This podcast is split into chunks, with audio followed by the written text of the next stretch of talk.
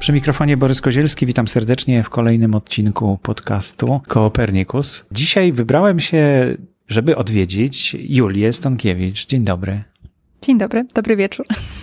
Jesteśmy na drugiej stronie świata właściwie, bo jesteśmy w Pasadenie koło Los Angeles. Ja słyszałem, że Kalifornia to słoneczny stan, że tutaj nigdy deszcz nie pada, a dzisiaj przyjechaliśmy, taka pochmurność, 90% pokrycia chmur. Jak ci się tu mieszka? Myślę, że jest okej. Okay. To na pewno bym się z tym zgodziła, że nie jest najcieplej teraz, ale mi się wydaje, że z tego co słyszałam, będzie naprawdę gorąco, tam 40 stopni nawet, e, więc się mentalnie przygotowuję na to. Ale tak, nie byłam przygotowana, nie wzięłam odpowiednich ubrań, ale żyje się w miarę dobrze. Myślę, że dużo tu już osób poznałam i na pewno też praca w JPL. Dzięki tej pracy poznałam wiele osób i mam się po prostu z kim trzymać. To jeszcze wrócimy do tematu, jak tutaj się dostałaś, jak to, jak to można sobie zorganizować, jeśli tak można mhm. powiedzieć. Ale najpierw chciałbym się ciebie zapytać o to, no co tutaj robisz, tak? Co ci tutaj sprowadza? JPL, czyli? Mhm, to się nazywa Jet Propulsion Laboratory. To jest centrum NASA, badawcze NASA. Teoretycznie należy do Caltechu, ale jest przez NASA kontraktowane. Tutaj osoby, które pracują, to one są jakby częściowo też mają po prostu powiązania z Caltechem, więc na przykład ja też mam maila z Caltechu i mam maila z JPL. To jeszcze Caltech, co to jest? Caltech to California Institute of Technology i to jest jedna z lepszych uczelni tutaj w Stanach Zjednoczonych. I JPL właściwie powstało jako takie kółko zainteresowań studentów, którzy chcieli budować rakiety.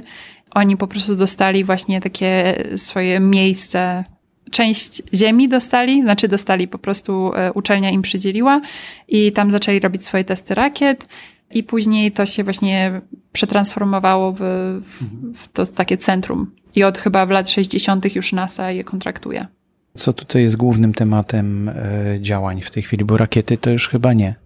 Nie, rakiety są w innym centrum NASA budowane. E, teraz jest też dużo innych firm prywatnych, które je robi, ale ogólnie JPL jest znane z robienia, jakby z pracowaniem nad misjami, na, na, które lecą na Marsa. Na przykład łaziki marsjańskie były tutaj projektowane, budowane.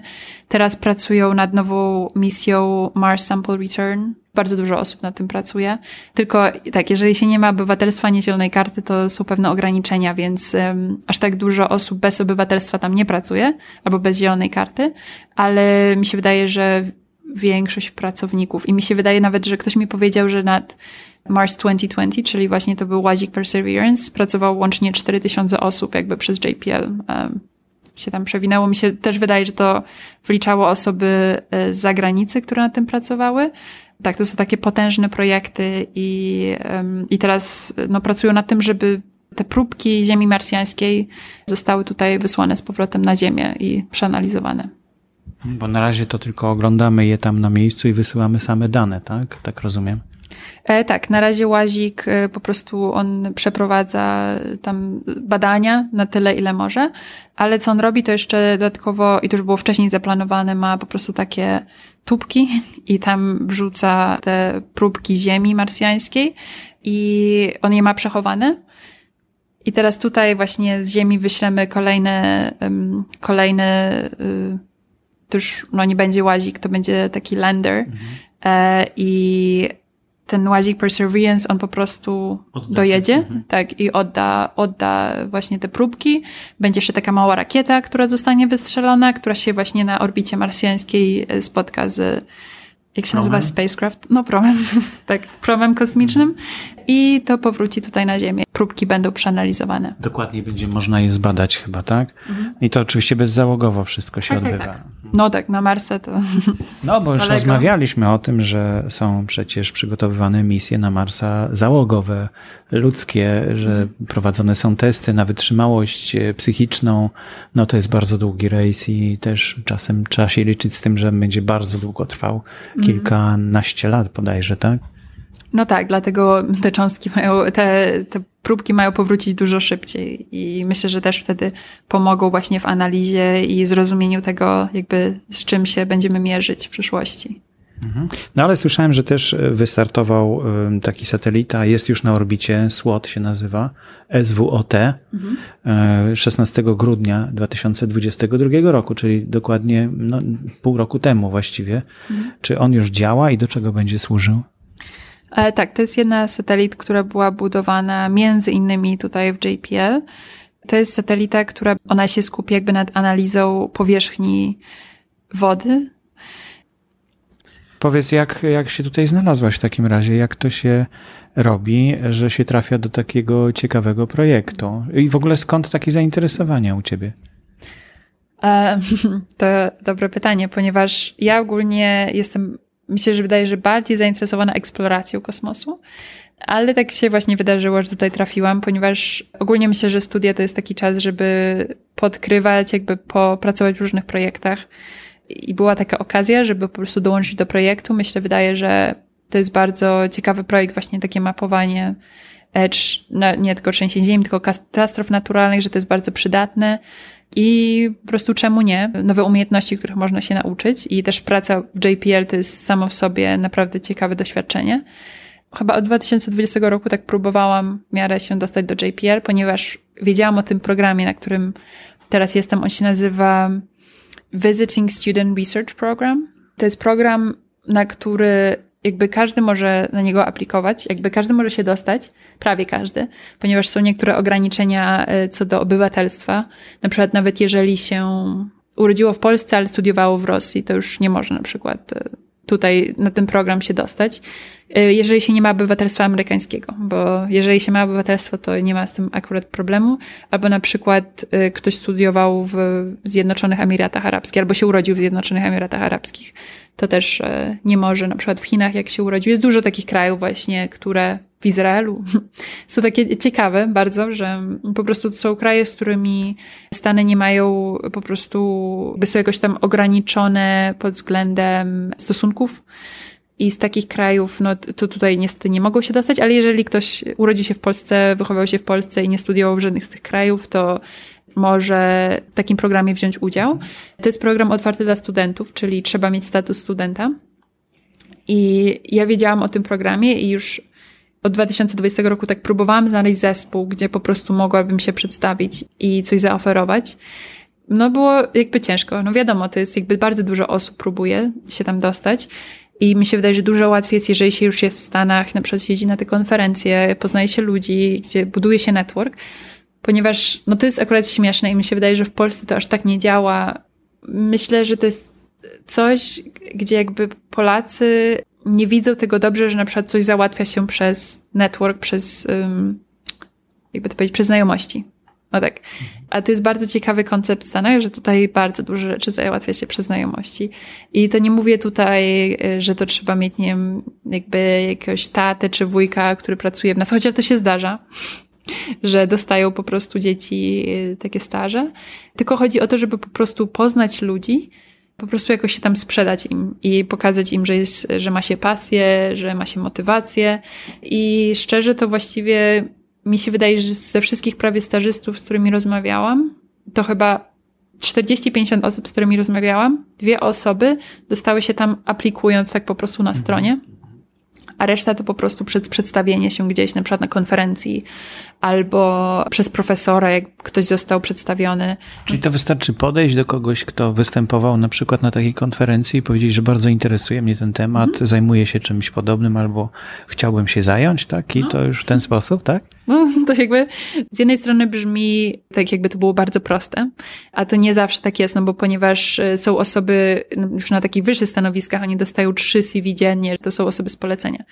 Więc to też nie jest aż tak łatwo, ale z drugiej strony to tak, tak, tak to jest i znam nawet przypadki, gdzie ktoś dostał właśnie staż, bo babcia jego znała kogoś w JPL i on dostał, albo ktoś, kto pracował w restauracji jako kelner i po prostu mówił wszystkim, że jest zainteresowany inżynierią i akurat trafił na kogoś z JPL i dostał tak staż. Więc zdarza się. Nie jest zawsze tak prosto. No w moim przypadku to też było bardziej, jakby wiadomo, że później patrzą na twoje CV i to nie jest tak, że osoba z ulicy przyszła i mówisz sobie, o, chcę pracować w NASA, ale jakby nigdy nic nie studiowałam z inżynierią albo z nauką, tylko po prostu już na przykład właśnie CV i na podstawie tego, że miałam różnorodne doświadczenie, że byłam w różnych krajach, studiowałam, to po prostu uznali, że pomimo tego, że nie mam doświadczenia w tym, co robię teraz, to po prostu chcą mi jakby dać szansę.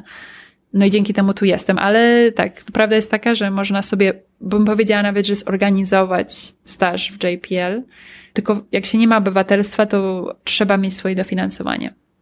Więc ja tutaj e, jestem dofinansowana przez cztery różne stypendia. E, to jest stypendium imienia Rafała Brzoski, stypendium imienia Anny Pasek, Fundację Rozwoju Talentów i jeszcze przez stypendium z mojej uczelni Uniwersytetu Technicznego w Monachium i to jest dofinansowane przez rząd niemiecki.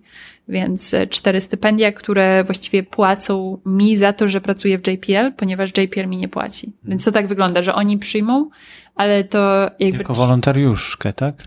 No właśnie, niekoniecznie wolontariuszkę, bo wolontariusz by, to by znaczyło, że y, po prostu nikt mi nie płaci i pracuję za darmo, a ja po prostu jestem opłacona przez stypendia, więc tak jakby moja praca naukowa jest opłacana przez inne organizacje. Czyli do takich organizacji można po prostu wystąpić o takie dofinansowanie, tak? No tak, tutaj to akurat tak, mi to zajęło, chyba policzyłam, że to było 200 godzin. Zajęło mi znalezienie tych, tych dofinansowań. I to już była taka sytuacja trochę, powiedziałabym, krytyczna pod koniec, bo mi zostało kilka tygodni, żeby do wyjechania, a nie miałam prawie żadnych pieniędzy.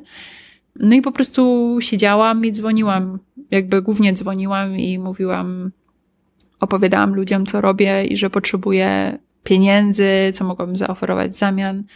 No i tak rzutem na taśmę trochę się udało. Jestem naprawdę niesamowicie wdzięczna tym fundacjom i stypendiom, bo jakby bez nich bym tutaj nie była. Mam nadzieję, że w przyszłości więcej Polaków będzie mogło tutaj przyjechać i doświadczyć tego, co doświadczyłam, ponieważ no, jakby wiem, że tutaj byli też inni studenci, ale na ten moment jestem jedyną Polką, która nie ma ani obywatelstwa, ani zielonej karty, obywatelstwa amerykańskiego.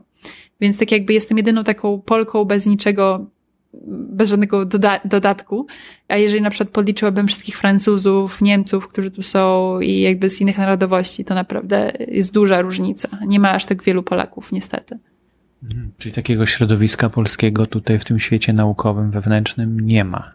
Znaczy, to nie jest tak, że, że nie ma. Myślę, że jest, jest nas dziesięcioro, więc y, to nie jest też Polaków. jakoś tragicznie. Tak, Polaków, tak. Z, z 6 tysięcy, no, no to może nie jest jakaś wielka ekipa, ale... Ale jest z kim pogadać po polsku, tak? Tak, tak ale to są bardzo, naprawdę bardzo mili ludzie, e, którzy mają właśnie inicjatywy, więc ogólnie jakby jest, jest fajnie się tam w miarę razem trzymamy.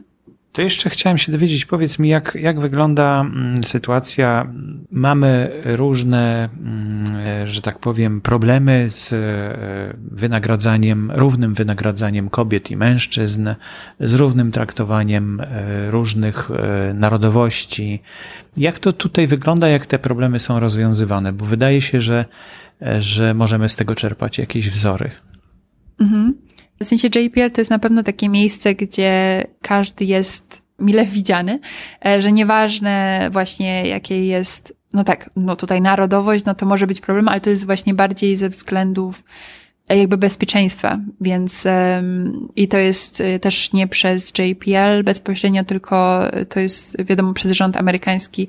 Jeżeli są jakieś technologie, które mogą być wykorzystane do celów wojskowych, no to tutaj już są ograniczenia, ale jeżeli już ktoś tu jest, na przykład ma zieloną kartę, ale pochodzi z innego kraju, albo obywatelstwo, to nie ma, takie osoby nie są dyskryminowane pod jakimi innymi względami, jeżeli chodzi też o, o płeć, o języki, jakimi się posługują, czy też orientację seksualną. Jest tutaj takie miejsce, gdzie mam wrażenie, że po prostu ludzie naprawdę doceniają tę różnorodność i widzą, że właśnie w tej różnorodności, że poprzez niewykluczanie różnych grup można faktycznie dużo więcej talentu tutaj wprowadzić. I dzięki temu właśnie tutaj jest dużo takich, to się nazywa Employee Resource Groups, czyli grupy, gdzie po prostu przez grupa kobiet, grupa osób nie heteroseksualnych.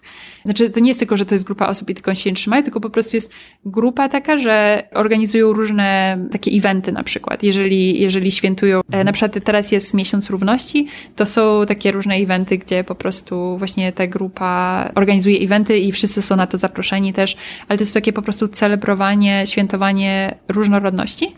I przez to mam wrażenie, że są osoby, które po prostu czują, że nie muszą się jakoś ukrywać z tym, że są inne, mają są z innego pochodzenia albo właśnie innej orientacji. Po prostu mogą być tym, kim chcą. Jakby jest to wsparcie. I na przykład właśnie jeżeli już jest jakiś taki problem, że ktoś jest dyskryminowany, to po prostu ma taką grupę wsparcia też, do której może się zwrócić. Tak, i dzięki temu mam wrażenie, że jeżeli chodzi o taką różnorodność, to JPL jest bardzo różnorodny, jak na taki rynek, znaczy może nie techniczny, y, inżynieryjny, o tak. Mhm. Więc jest bardzo, bardzo takie różne miejsce z, z wieloma, jest wiele kultur, jest wiele języków, jest bardzo dużo osób o po prostu różnych narodowościach, które już no tutaj trochę pomieszkało, już mają zielone karty obywatelstwa, ale to jest też dużo osób, tak jak ja, które nie mają obywatelstwa i pracują nad projektami, które po prostu są dozwolone. Czyli tutaj można być sobą po prostu. Mhm, tak, i dzięki temu nie trzeba się skupiać na tym, żeby się dopasować i zużywać swojej energii, tylko po prostu można całą energię poświęcić y, na pracy naukowej. Tak, pracy naukowej i to jest, to jest bardzo fajne. A co w najbliższym czasie cię czeka? Bo mówiłaś, że dzisiaj jeszcze musisz popracować, że jesteś tutaj mocno zapracowana. Jakie, czy ten projekt ciągle opera, tak? To mhm. ciągle jest ten projekt właśnie, o którym mówiliśmy, czyli mierzenie poziomu e, powierzchni Ziemi przy pomocy tych satelitów. Tak, to jest e, bardziej jakby mapowanie zmian powierzchni mhm. Ziemi. Mamy coś takiego, to nie jest nawet konferencja, tylko się nazywa workshop, gdzie ludzie się mogli zapisać. Będą różne takie prezentacje przedstawiane, jak można właśnie ich używać, tych danych. W ramach tego właśnie mam zrobić plakat tego, nad czym ja pracuję. I myślę, że jeszcze kilka godzin dzisiaj muszę w to włożyć, ale, ale okej, okay, to jest jakby, mi się wydaje, że tu przyjechałam, żeby faktycznie dać siebie wszystko, żeby tak po prostu, znaczy oczywiście, żeby też um, się dobrze bawić i poznać wielu ludzi, ale właśnie czuję taką odpowiedzialność, ponieważ e, też dostałam tę szansę, żeby tu pracować i chcę dać siebie wszystko. No i zobaczę, do której mi się uda pracować i czy uda mi się ten plakat y, dzisiaj wysłać.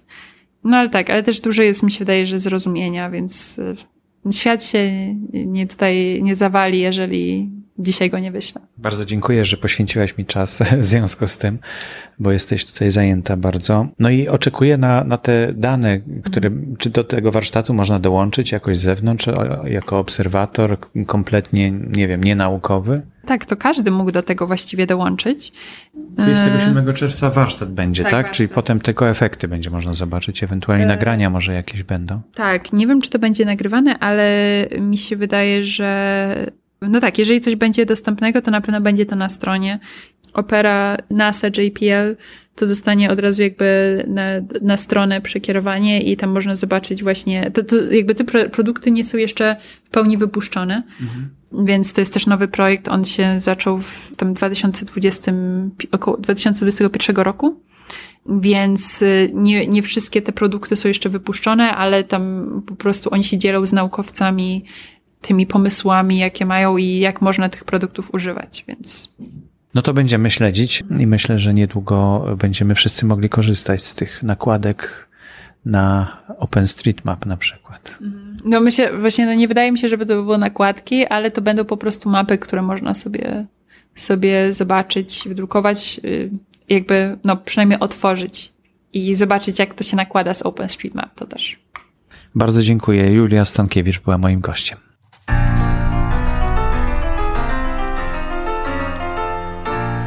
Jeśli chcesz stać się częścią społeczności Koopernikus, zarejestruj się na stronie koopernikus.pl. Jesteśmy na Instagramie, LinkedInie, Facebooku i Twitterze.